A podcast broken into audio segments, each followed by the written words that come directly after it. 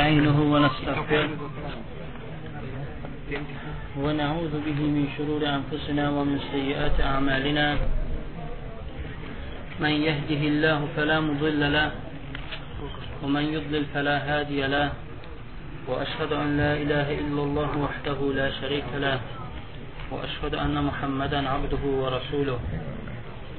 رب اشرح لي صدري ويسر لي أمري واحلل عقدة من لساني يفقه قولي. Əmmə bəq İlk olaraq özümə və sizə Allahdan qorxmağı tövsiyə edirəm. E, Hamımızın bildiyi kimi dərsimiz Tohid dərsidir, davam edirik Lakin dərsi girməzdən öncə keçmiş dərs barədə bir-iki sual vermək istəyirəm.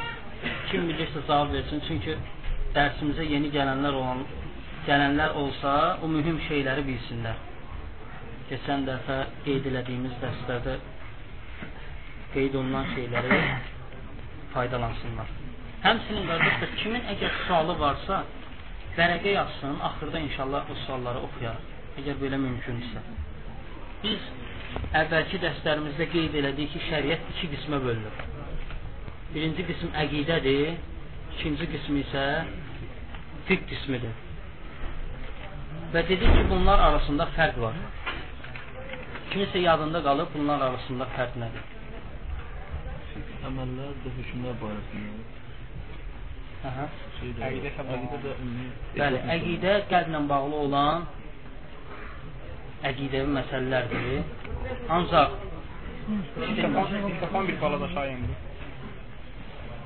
ancaq fiqh isə dində olan əməllər və onun hökmləri barəsində qeyd olunan elmdir.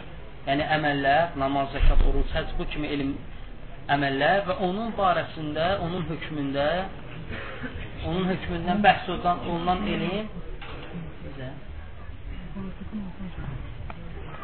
Nə qoydu ondan?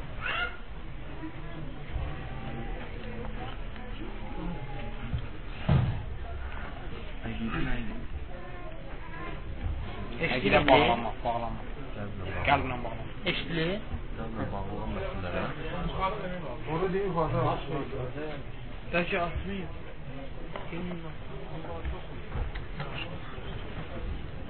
Eşidilmir qardaşlar.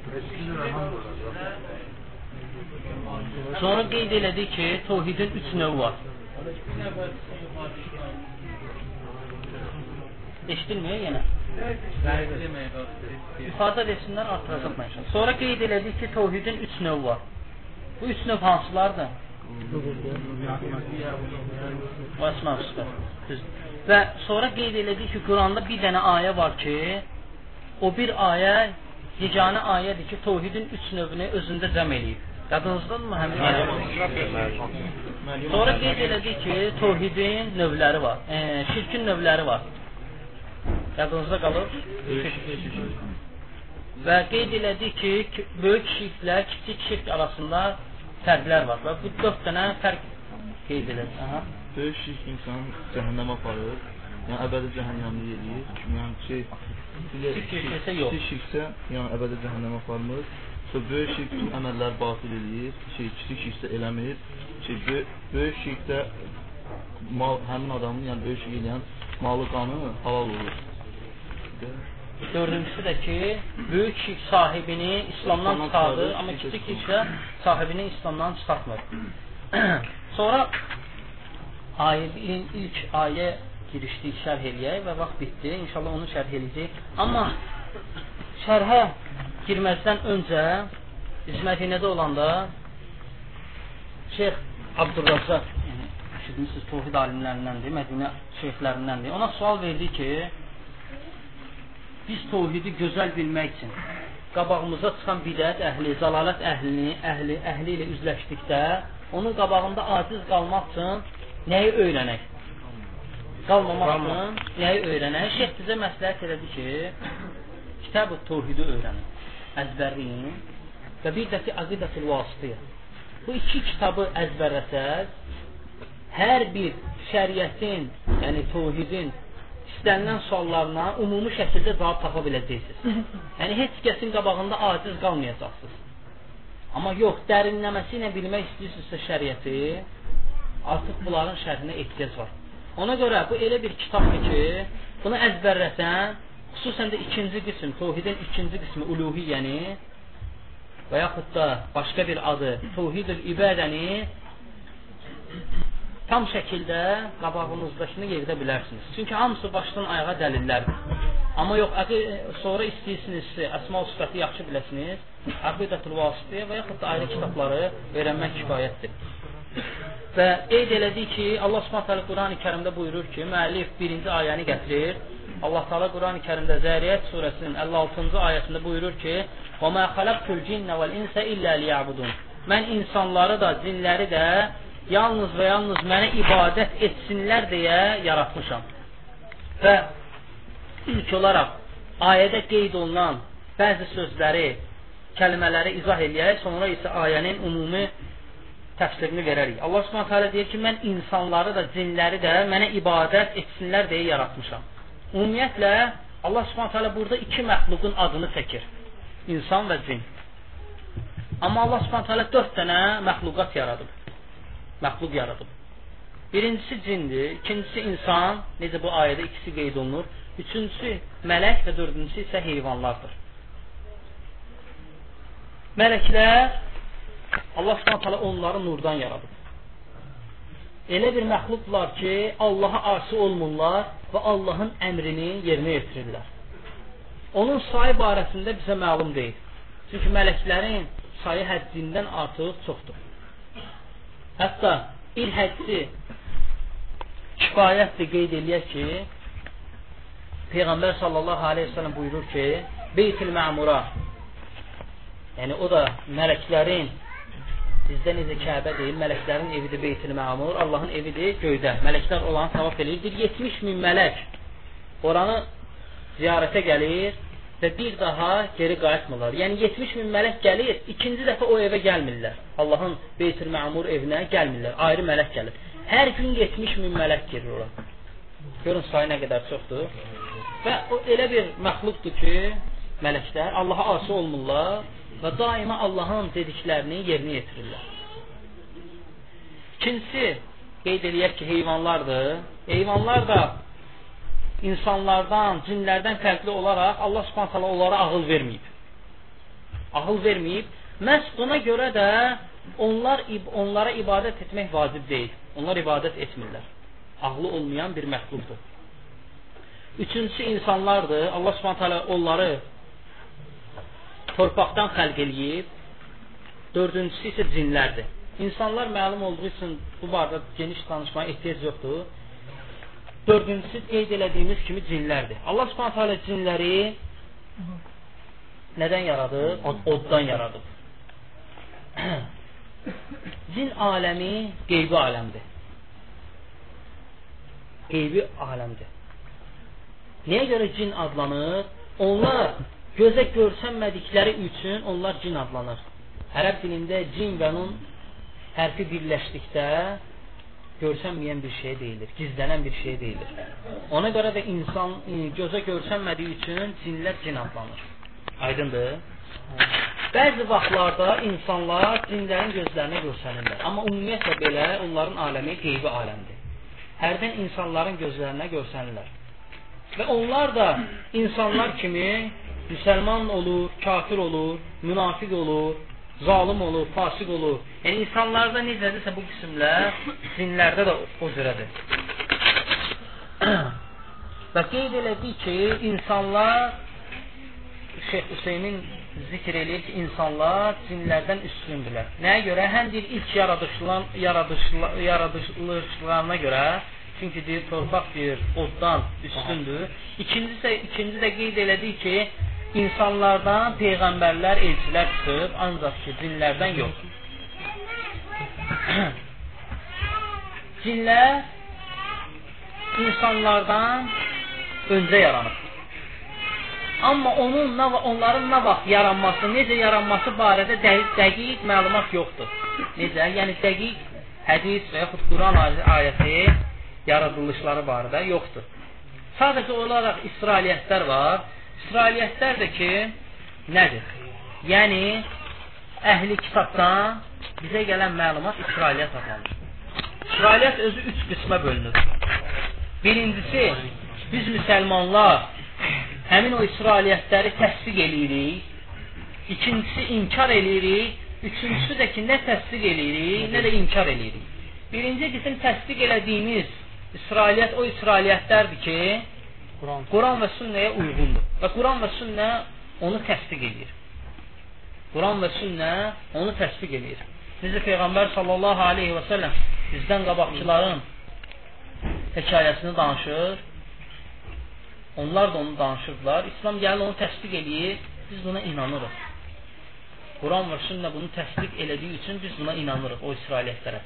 İkinci qism İsrailiyyət isə inkar eləyirik o İsrailiyyətləri. Nəyə görə? Çünki Quran və sünnəyə zid olduğu üçün. Məsələn, Allah Subhanahu Quran mələyini, e, ölüm mələyini Quran-ı Kərimdə ölüm mələyi kimi adlandırır. Amma İsrailiyyətdə onun adı Əzrail. Əzrail kimi qeyd olunur. Ona görə biz o adı inkar eləyirik. Nəyə görə? Çünki Quran və sünnədə zikr olunan ada müxalifdir ona görə. Üçüncü qism isə, üçüncü qism isə biz nə həmin İsrailiyyətləri inkar eləyirik, nə də, nə də ki təsdiq eləyirik. Nəyə görə nə inkar eləyirik, nə də təsdiq eləyirik? Şəriətdə, bizim şəriətimizdə onu təsdiq eləyən bir şey gəlməyib. Nə də onu inkar eləyən bir şey gəlməyib. Və həmçinin o danışılan İsrailiyyət şəriətin əsasına zidd deyil. Məsələn, Allaha şərik qoşmaq kimi, bu kimi şeylər şəriətə heç bir ziddiyyəti yoxdur. Həmin İsrailiyyətləri nə təsdiq eləyirik, nə də inkar eləyirik. Onları da danışmaqda heç bir problem yoxdur. Lakin qeyd eləmək lazımdır ki, danışdıqda nə təsdiq eləyin, nə inkar eləyin. Nəyə görə? Çünki ola bilsin biz həmin şeyi təsdiq eləyək, o düzgün olmasın, günah qazanaq. Və yaxud da biz onu inkar eləyək, amma həmin şey düzgün olsun, ona görə ona görə də günah qazanaq. Məhz buna görə də üçüncü növ İsrailiyyəti biz nə təsdiq eləyirik, nə də inkar eləyirik. Aydındır? İbn Kəsir öz tarix kitabında və yaxud da qeyri alimlər tarix kitablarında qeyd ediblər ki, cinlər insanlardan öncə yaranıblar. Allah Subhanahu taala cinləri öz insanlardan öncə yaradıb. Sonra İbn Kəsir gətirir ki, onlar asi olduqları üçün Deyir Allah Subhanahu taala onları məhv elədi. Asi olduqları, Rəblərinə asi olduqları və yer üzərində fitnə fəsad yaydıqları üçün Allah Subhanahu onları məhv elədi. Və iblis o zaman uşaq idi, həmçinin ibadət eləyirdi. İbadət eləyirdi və mələklər onu götürürlər. Onu götürürlər Allah s.ə. məhv eləyəndə yeganə iblis dişi qalır.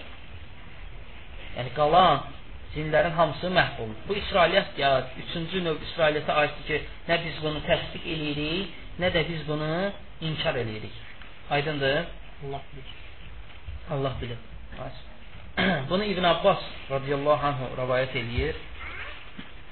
Və ondan sonra Allah subhanətə alə iblis güclü ibadəti ilə hətta bəzi rəvayətlərdə gəlir ki, mələklərin başçısı olur, o qədər ibadəti, amma bu özü yəni şəriətə zidd olan bir rəvayətdir, İsrailiyyətdir, çünki mələklərin başçısı ola bilməzdi. Və sonra Allah Subhanahu taala Adəm əleyhissalamı göndərəndə ona əmr eləyir və həmin Allah Subhanahu taala əmrinə asi olduğu üçün Allahın lənətinə düçar gəlir. Onun adı Həris idi, Həris. Həris. Künyəsi isə Əbu Murra idi. Necə İbn Kəsir bir dəvə nihayədə gətirir. Ancaq qeyd elədiyim kimi, bu elə bir İsrailiyyətdir ki, üçüncü növ İsrailiyyətə aiddir. Biz onu nə təsdiq eləyirik, nə də inkar eləyirik. Sadəcə olaraq danışırıq. Aydın oldu. Allah e, Quran-ı Kərimdə və Peyğəmbər sallallahu alayhi və səlləmin sünnəsində cinlərin mövcud olması barədə hədislər boldur. Bir ayəni qeyd eləmək kifayətdir ki, Allah Subhanahu Quran-ı Kərimdə buyurur ki: "Və laqad zara'na li cehenneme kesirun minel cinni vel ins." Biz cəhənnəm üçün bir çox cinlər və insanlar yaratdıq. Ha, bu ayə özü dəlalət eləyir ki, küfr edən cinlər insanlar kimi cəhənnəmə, Rəblərinə tabi olan cinlər isə insanlar kimi cənnətə düşəcəkdir. Və bu məsələdə insan e, cinlərin də cəhənnəmə və yaxud cənnətə getməsi barədə sələf alimləri heç bir ixtilaf eləməyiblər. Hmm, Ərəf surəsi 179-cu ayə. Sonra Allah Subhanahu taala buyurur ki, mən insanları və cinləri yalnız mənə ibadət etsinlər deyə yaratdım. Cəriyyət surəsi 56-cı ayə, həmin o ayəni şərh edirik. Müəllif gətirdiyi ayəni deyir ki, ibadət etsinlər deyə. Bu ayənin təfsiri çoxdur, bu sözün təfsiri çoxdur, amma ən düzgün təfsiri odur ki, ibadət necə etsinlər? Allahı tək Allaha tək olaraq ibadət etsinlər. Yəni ona heç bir şeyi şərik qoşmadan ona ibadət etsinlər. Məhz ona, ona görə də Allah Subhanahu taala ona şərik qoşmayanı, lazımınca ibadət edəni cəzasını verəcək. Necə? Yəni cənnətlə onu ən gözəl mükafatlandıracaq. Ən gözəl mükafat ilə mükafatlandıracaq. Yox, ona asi olan qullarını isə cəhənnəmə salmaqla cəzalandıracaq. Və bu ayədən Allah Subhanahu taala insanları və cinləri nəyə görə yaratmağının hikmətini bizə bəyan edir. Və bu ayə bizə aydınlıq gətirir ki, insanlar boş-boşuna yaradılmayıb. Necə Allah Subhanahu taala Qurani-Kərimdə buyurur ki: "Əfə hasibtum ennema xalaqnakum abasa və ennekum ileyna la turcaun." Müminun surəsi 115-ci ayədə Allah Subhanahu taala buyurur ki, yoxsa elə hesab edirsiniz ki, sizi əbəs yerə yaratmışıq və siz heç vaxt bizə qayıtmayacaqsınız. Müminun 115. Digər bir ayədə buyurur ki: "Əyəhsəbul insana an yətur an yutraka suda?" Bəlkə insan öz başına qoyulacağını güman edir. Əlbəttə ki, elə deyil. Allah Subhanahu özü insanı yaradıb və özü bəyan eləyir ki, insanlara, nə insanları nəyə görə yaradıb. Məhz ona görə Allah Subhanahu Zəriyyət surəsinin 56-cı ayəsində ayəsini qeyd etdikdən sonra onun ardınca qeyd edir ki, "Mə uridu minhum min rizqin və mə uridu an yut'imun." Mən onlardan ruzi istəmirəm. Mən onlardan məni yedirtməyini də istəmirəm. Zəriyyət 57. Yəni Allah Subhanahu taala buyurur ki, mənim insanların və cinlərin ibadətinə heç bir ehtiyacım yoxdur. Heç bir ehtiyacım yoxdur. Aydındır? Şeyxül İslam İbn Teymiyyə buyurur ki, ibadət insanla qalan və ona fayda verən bir şeydir. Ancaq məhz buna görə insanlar özü dörd qismə bölünürlər. İnsanlar dörd qismə bölünürlər. Birinci qism o şəxslərdir ki, var gücləri ilə və həvəslə Allah üçün çalışırlar. Onlar bir həqiqi möminlərdir və onların yeri cənnət. Birinci qism nə oldu? var gücləri ilə və həvəslə Allah üçün çalışırlar, onların yeri haradır? Cənnətdir. Onlar kimlərdir? Möminlərdir. İkinci qism. var gücləri və həvəslə çalışırlar, ancaq Allah üçün yox, Allahdan qeyrisi üçün çalışırlar. Onların da bu dünyada payı var, amma axirətdə heç bir payı yoxdur. Onlar bu dünya üçün, yəni həvəslə çalışırlar, Allahdan qeyrisi üçün, ya bu dünya üçün və yaxud nə üçün, hər hansı bir səbəb üçün çalışırlar, onların bu dünyada payı var. Amma ahirətdə heç bir payı yoxdur. Üçüncü qism, insanlar, o şəxslərdir ki, çalışırlar Allah üçün. Ancaq həqiqi Allah üçün yox, Allahdan qeyrisi üçün çalışırlar. Aydındır. Bunlar kimlərdir? Münafiqlərdir münafiqlərdir.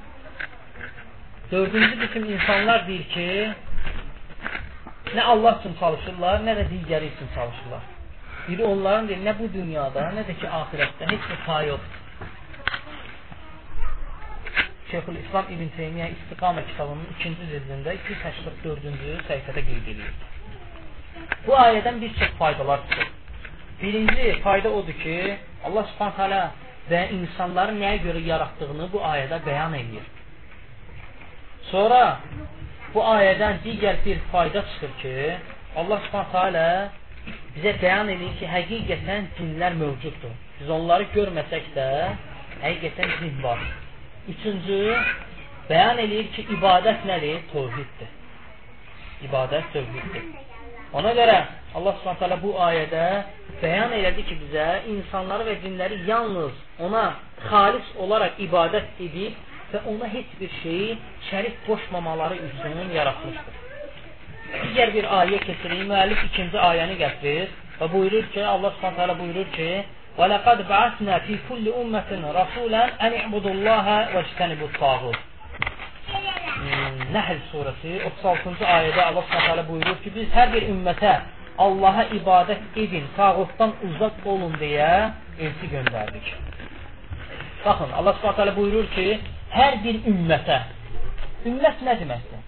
Ümmət toplum olan insanlardan olan topluma ümmət deyilir.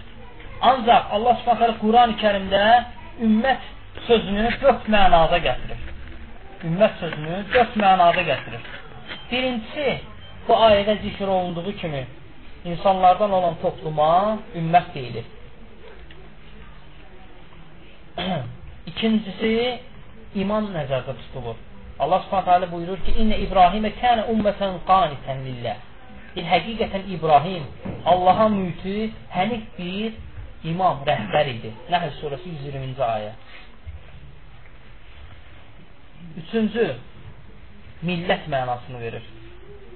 Necə ki, ə, ikinci, bir, birinci insanlardan olan toplum, tayfa mənasını verir. İkincisi iman, rəhbər mənasını verir. Nəhl 120-də. Üçüncüsü millət mənasını verir. Necə Allah Subhanahu Quran-ı Kərimdə buyurur ki: "İnna vəcədnə əbəənə alə ummə." Biz atalarımızı bu yolda gördük və biz onların ümmətini tutub gedəcəyik. Yəni biz onların yolunu gecəyə, atalarımızı deyir, bu ümmətdə gördük, yəni bu yolda gördük. 0-23 Dördüncüsü zaman deməkdir. Yusuf surəsinin 45-ci ayəsində Allah Subhanahu taala buyurur ki: "Vəddəkir ba'də ummə." Uzun uzun müddətdən sonra xatırlayaraq dedi. Görürsün? Uzun müddətdən sonra, müddət nəzərdə tutulur, zaman. Görürsüz? Bir kəlmə Allah Subhanahu taala Qurani-Kərimdə dörd mənada işləmir bir kəlməni. Ona görə Quran oxuyanda təfsirindən fikir vermək lazımdır. Böyük hətta azmayaq. Sonra Allah Subhanahu bu ayədə qeyd edir ki, biz hər bir hər bir ümmətə peyğəmbər göndərdik, elçi göndərdik.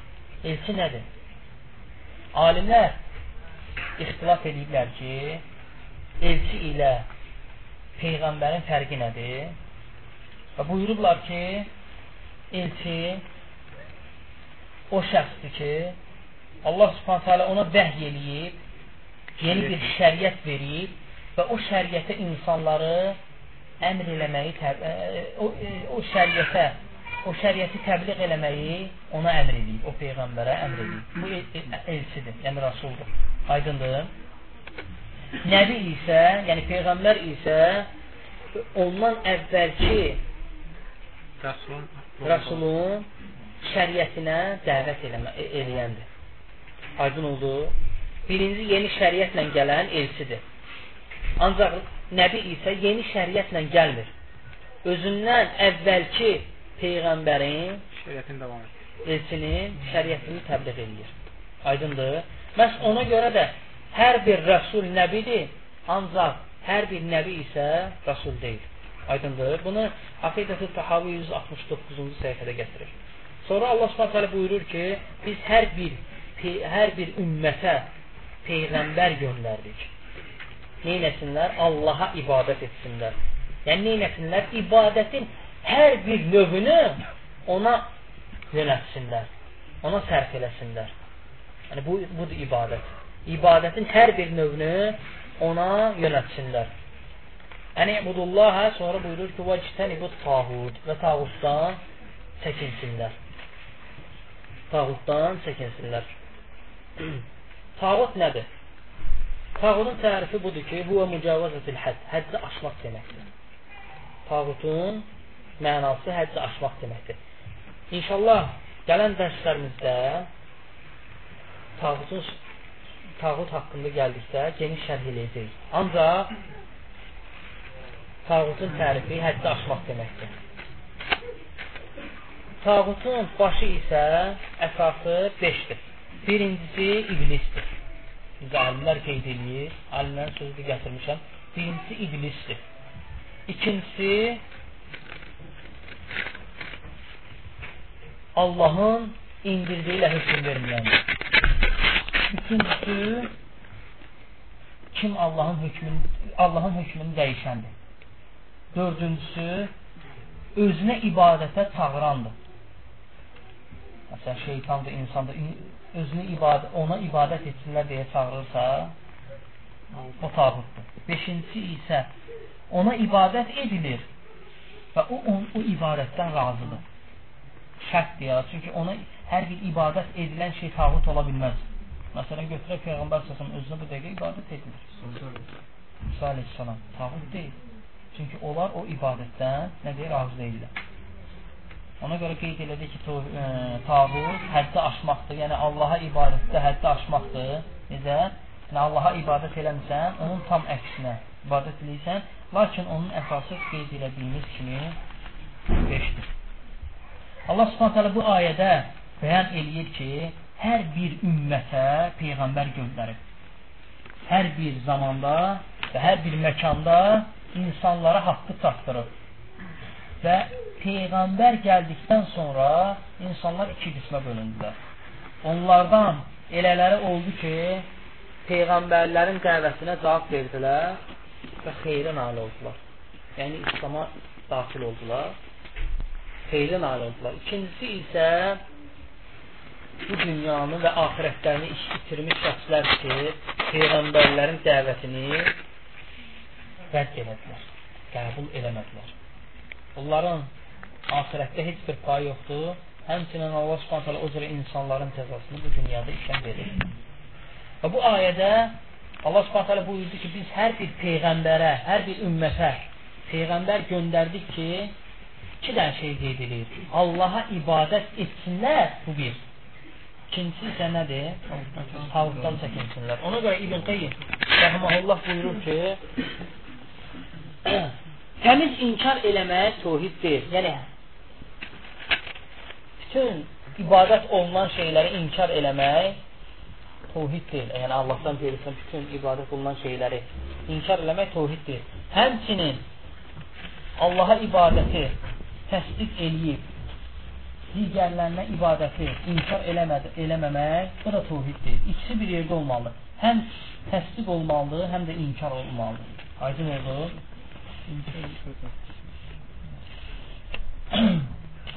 Və ilk Peyğəmbər də qeyd elədiyimiz kimi Nuh əleyhissalamdır. Yəni ona görə Allah Subhanahu Quran-ı Kərimdə buyurur ki: "İnna awhayna ilayka kama awhayna ila Nuh." Biz deyir, sənə vəhy elədiyimiz ki, Nuh əleyhissalama deyir, nəhy elə, ə, e, vəhy eləmişdik. Bu ayə dəlalət elədi ki,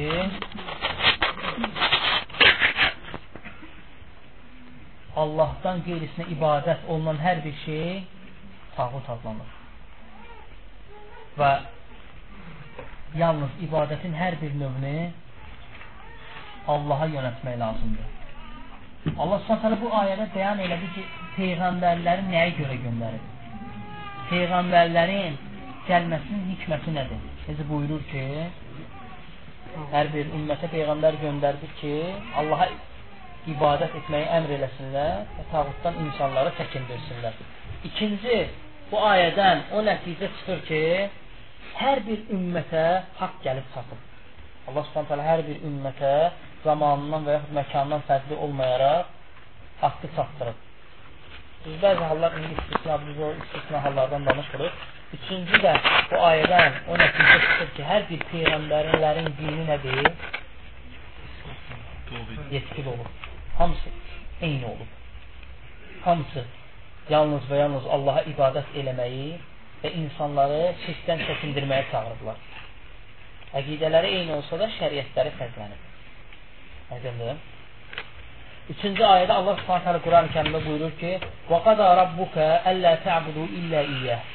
Allah Subhanahu bu ayədə buyurur ki, hmm, İsra surəsi 23-cü ayədə səhv eləməmsə, müəllif gətirir. Deyir, Rəbbin sizə ona ibadət, Rəbbin yalnız ona ibadət etməyə buyurmuşdur.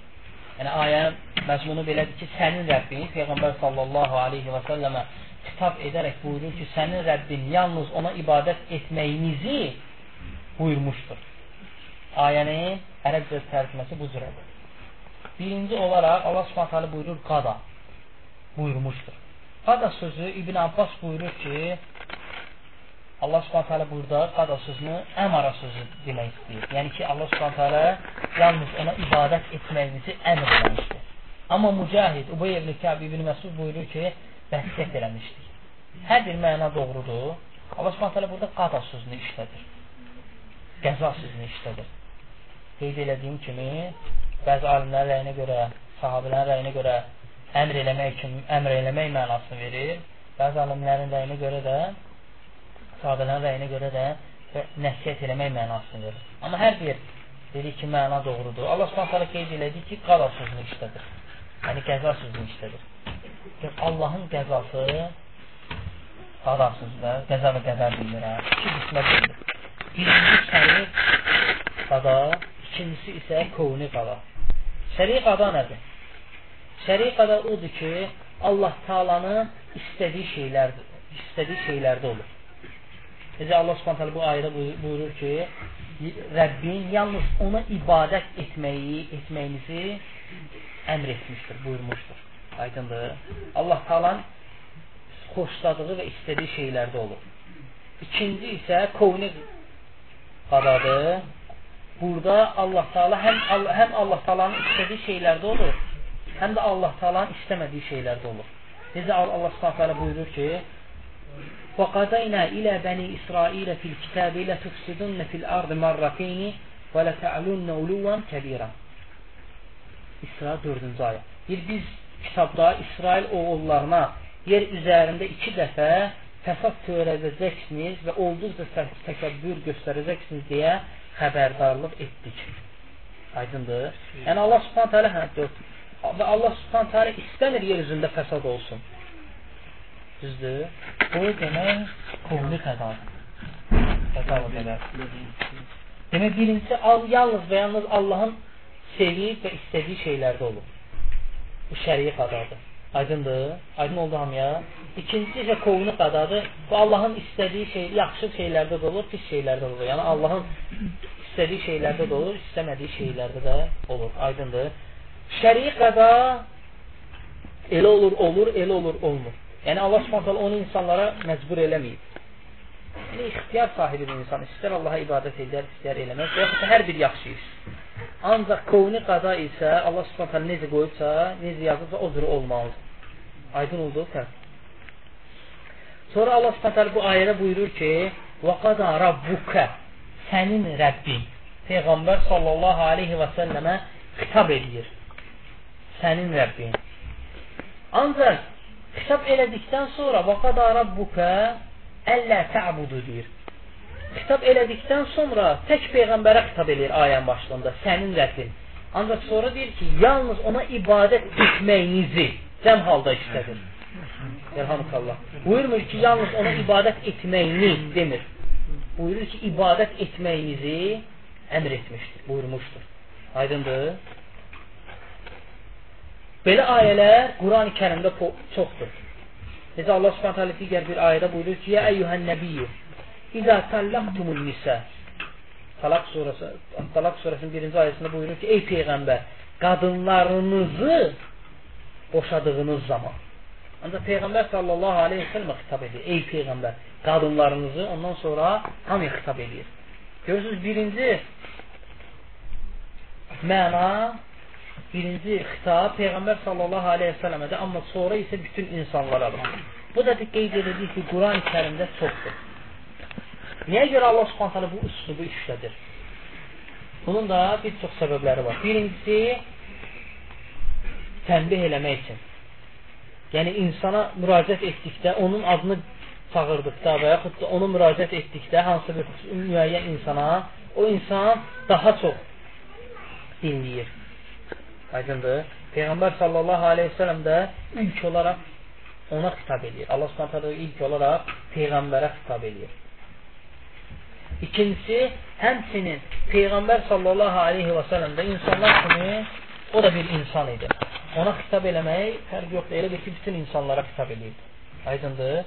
Üçüncü də Peyğəmbər sallallahu aleyhi və səlləmə xitab etdikdə buyurmaq istəyir ki, o da, o da insanlar kimi ibadət eləməlidir. O buyurur axı ki, Lə tə'budu illə iyyəhu. E, yalnız ona ibadət eləyin. Yalnız ona ibadət eləyin. Yəni sən peyğəmbər olsan da sən də ibadət eləməlisən ona görə. Aydın oldu? Yəni Allah Subhanahu taala ubudiyyə qulu deyir də, yəni ibadət etmək şərəfini ona vermək kifayətdir.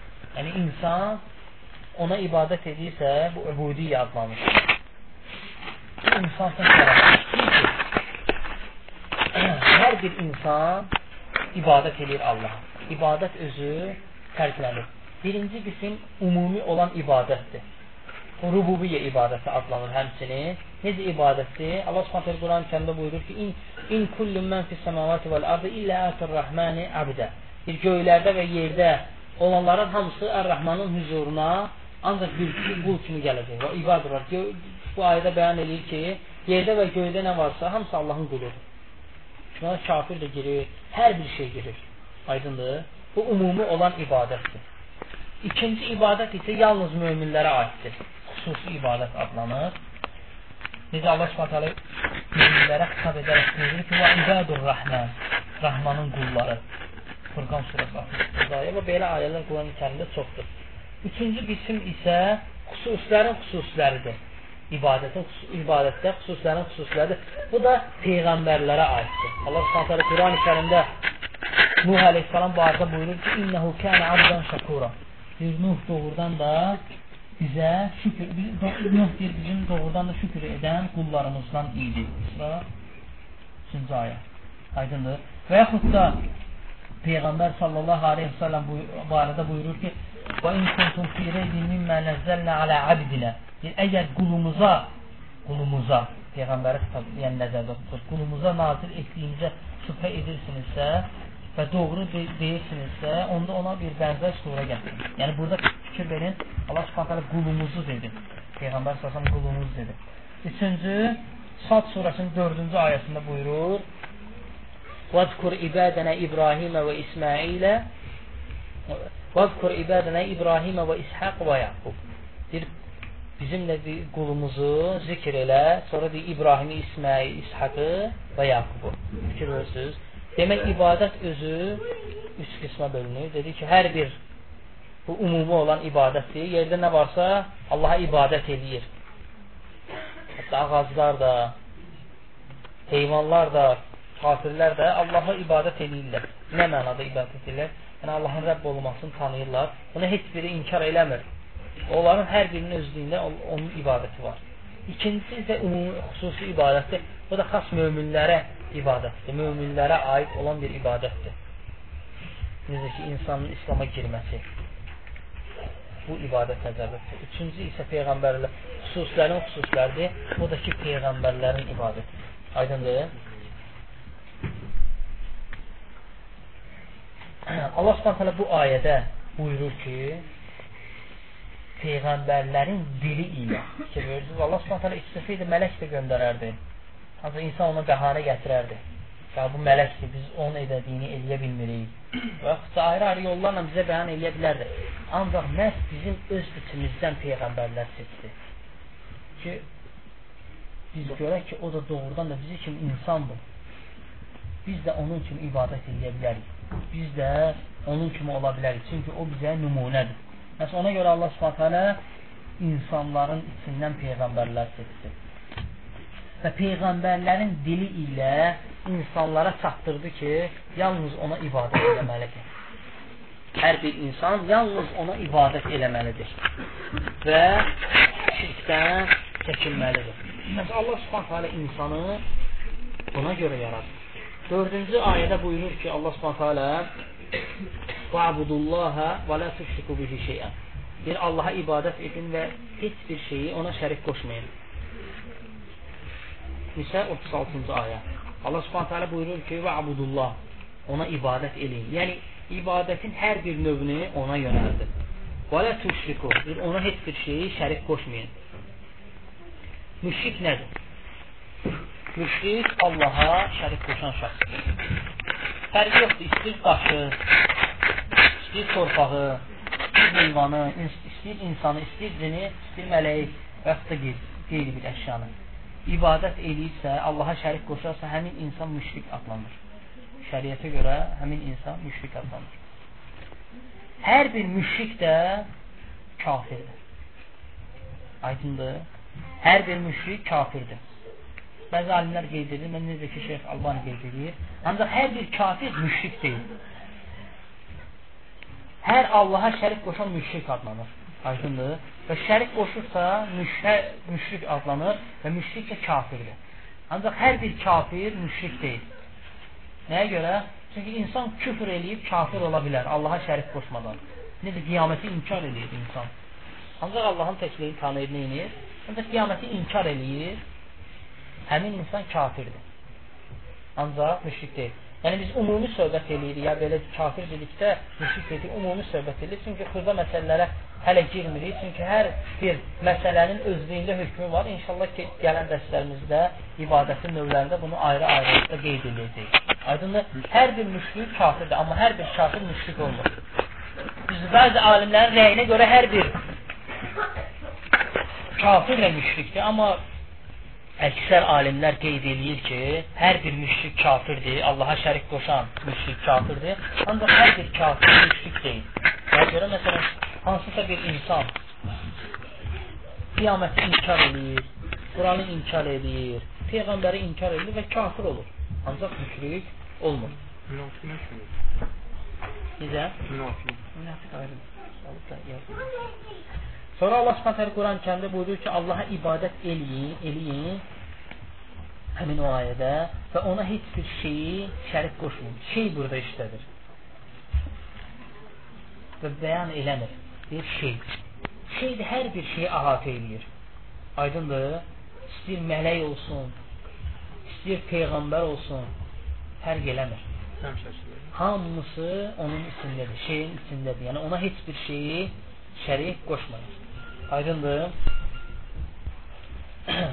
Və insanın, müsəlmanın boynuna düşən də ilk vəzifə budur. İnsanlara insanlara tövhidi əmr eləsin və onları şirkdən çəkindirsin. Peyğəmbər sallallahu aleyhi və səlləm Muaz bin Cəbəl radiyallahu anhunu Yəmənə göndərir dəvət üçün və buyurur ki, sənin bir qarşıva əhli kitab çıxacaq. Yəni müşriklər də çıxacaq, ya, lakin yəni əhli kitab çoxluq təşkil edir, o mənada deyir. Deyir, ilk deyir, dəvət elədiyi şey şəhadət kəlməsi olsun. Tohid olsun. Kəlmə etmir. Və buyurmur ki, onları mən namaz qılsınlar, zəkat versinlər, oruç, oruç tutsunlar. Bunlar buyurmur. Bir dənə şey deyir. Tohidə bir dəvət elə. Əşhədu ən la ilahe illallah və əşhədu ən Muhammedən Rasulullah. Kəlməyə dəvət elə. Əgər deyir onu qəbul eləsələr, ondan sonra deyir onların namaz bu namazın vacib olmasını çatdır. Görürsünüz, birinci deyir tohid. Demir, ha, tohidlə yanaşı namazı da yəni elə olar. Bir, birinci deyir, tohidi olaraq çatdır. Əgər tohidi, İslamı qəbul elədikdən sonra, ondan sonra bir namazı onlara bəyan edir ki, vacibdir. Buyurub Allah s.ə. Və qeyd elədi ki, tövhid insanın boynuna düşən ilk vəzifədir. Və kimin Peyğəmbər sallallahu əleyhi və səlləm tövhidin fəziləti barədə buyurur ki, kimin axır sözü la ilahe illallah olarsa, bir cənnətə girər. Abu Davud hədisi rivayet eləyir. İbadət də ki, Allah Subhanahu iki şeylə olur. Birinci ixlas olmalıdır hər bir ibadətdə. Fərqi yoxdur. Kiçik ibadət olsun, böyük ibadət olsun, vacib ibadət olsun, sünnə ibadət olsun, fərqi yoxdur. Birinci şərt odur ki, Allah üçün olmalıdır. İxlas olmalıdır. İnsan Allahdan qeyrisi üçün ibadəti eləyirsə, birinci şərt itirsə, həmin ibadət batildir. Məsələn, insan ibadət eləyir nəyə görə? Kimsə onu görsün ki, namaz qılır, ona hörmət eləsin, neynəsin, hansı bir məqsəd üçün namaz qılır, onun etdiyi, etdiyi o ibadət batildir. Allah subhanətələ qəbul eləmir. Bu bir, ondan əlavə o cürə insanlara etdiyi əməlinə görə cəza cəzalandıracaq Allah subhanətələ. İkinci şərt də nədir? mütabə olmalıdır. Peyğəmbər sallallahu aleyhi və səlləm necə edibsə, o cürə eləməlidir. Yəni Peyğəmbər sallallahu aleyhi və səlləm namazı bu cürə qılıbsa, biz də bu cürə qılmalıyıq. Dəstəması bu cürə alıbsa, bu cürə almalıyıq. Mütabə adlanır. Bəli, Peyğəmbər sallallahu aleyhi və səlləmin etdiyini müvafiq olmalıdır. Peyğəmbər sallallahu aleyhi və səlləm buyurur ki, mən əmilə əmələn leysə aleyhi əmruna fəhvə rədd. Buxari və Müslim rəvayət edib, Ayşə radiyallahu anhə hədisidir. Deyir, kim bir iş görərsə, yəni ibadətin hər hansı bir növünü görərsə və etdiyi o ibadət, o əməl bizim əməlimizlə uyğun olmazsa, həmin o əməl o insandan qəbul olunmur. Fərqi yoxdur.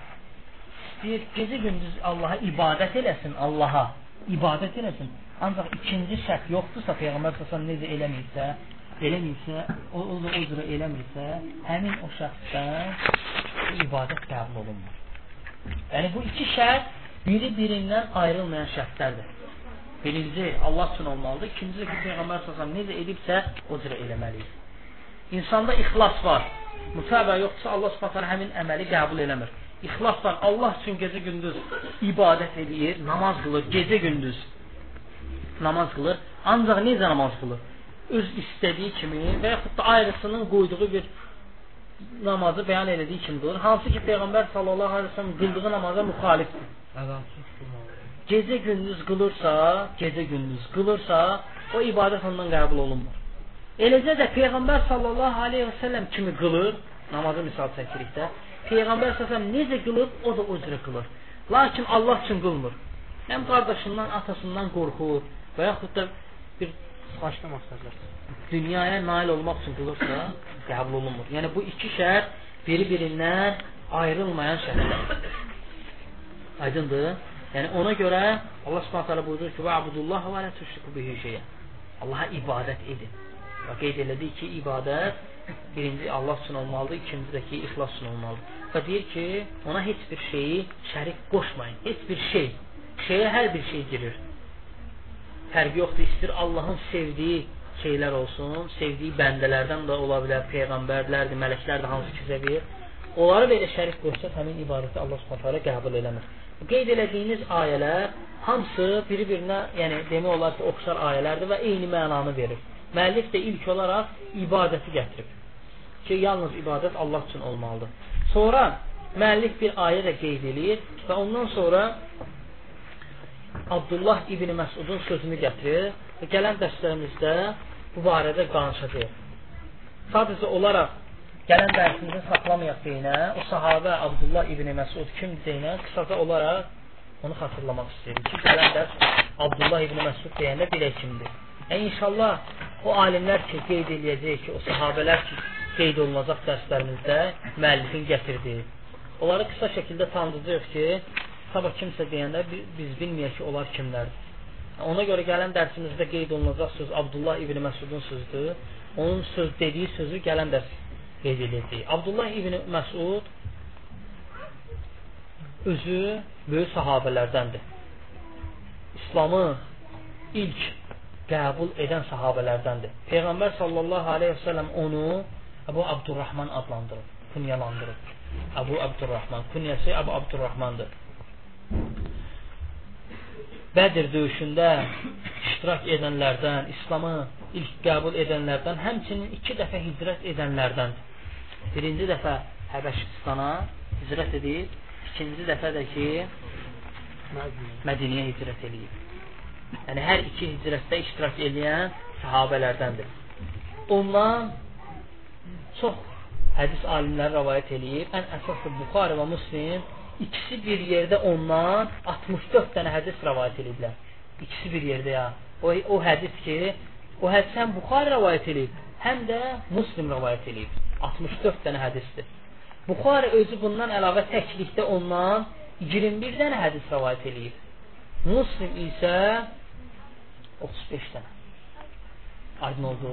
Buxar 24. Buxar 21 dənə, Muslim 35 dənə. Amma ikisi bir yerdə 64 dənə hədis rivayet ediblər.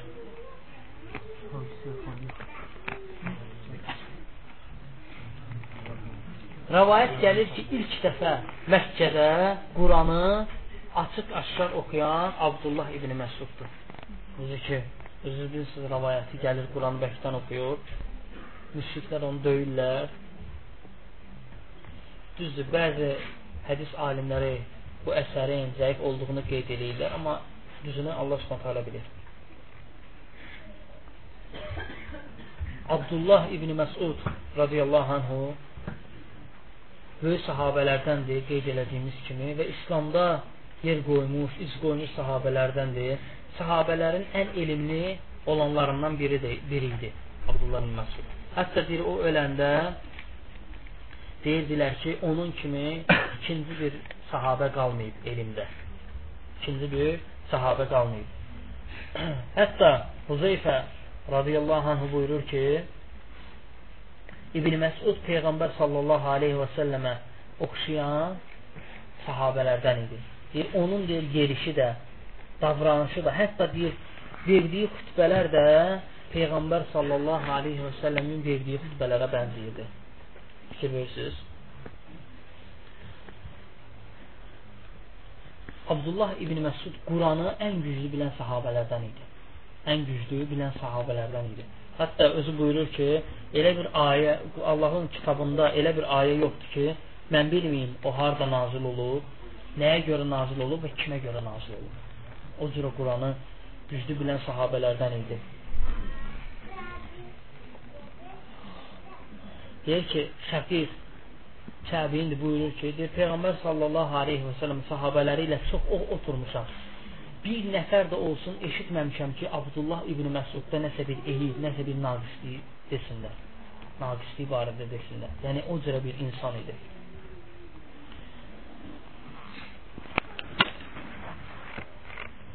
Deyir ki, Abdullah İbn Məsud bir dəfə Quran oxudu. İmam Zəhəbi gətirir bu hədisi, ondan götürmüşəm. Deyir, Nisə surasını oxudu. Peyğəmbər sallallahu aleyhi və səlləm onun oxumağını eşitdikdə de buyurdu ki, kim ki Quranın deyir, olduğu kimi oxumağını istəyirsə, Abdullah ibn Məsud oxuduğu kimi oxusun. Hədisi həkim rəvayət edib, e, səhihləşdirib, Zəhəbi buyurub ki, həmçinin hədis səhihdir. Peyğəmbər sallallahu aleyhi və səlləm ona Quranı oxutdururdu. O Quran oxuyurdu və Peyğəmbər sallallahu aleyhi və səlləm dinləyirdi. Yəni, o cürə gözəl səsi olub, o cürə yəni yerə, məkana çatan bir e, sahabə idi ki, Peyğəmbər sallallahu aleyhi ve sellem Quran oxuyurdu. Hətta bir dəfə buyurur ki, Peyğəmbər sallallahu aleyhi Quran oxudum, Nisa surasını oxudum. O ayə gəlib çatdım ki, fəkeyfə izə ci'nə min kulli ümmətin bi şəhidin və ci'nə bikə alə həuləy şəhidə. Nisa surəsi 41-ci ayə. Buyurur ki, Nisa surəsinin 41-ci ayəsinə gəlib çatdım. Və Allah Subhanahu o ayədə buyurur ki, deyir, hər bir peyğəmbərə bir şahid göndərdik. Və deyir, sən də o şahidlərə şahid olaraq gətirəcək. Peyğəmbər salsam onda öz Allah dərgahında yerini, Allah qatında yerini, hörmətini başa düşüb ağlamağa başladı.